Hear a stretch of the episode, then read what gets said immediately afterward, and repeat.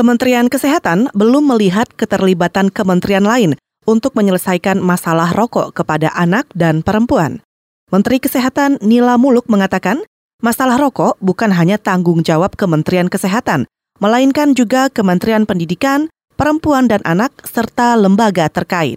Inginnya juga ini semuanya germas itu maksudnya ke keterkaitan antar kementerian. Jadi Menteri Pemberdayaan Perempuan, Perlindungan Anak kan di sini ada. Saya minta maaf kepada industri misalnya. Industri juga harusnya terlibat saya tahu kita tahu semua kalau anak sudah merokok sampai tua kan dia beli terus gitu karena betul kanker paru meningkat pada laki-laki itu menjadi nomor satu sekarang di antara cancer. Menteri Kesehatan Nila Muluk juga mencontohkan belum banyaknya imbauan dan larangan iklan rokok yang masuk ke area sekolah karena selama ini masih ditemukan guru yang merokok di depan siswa.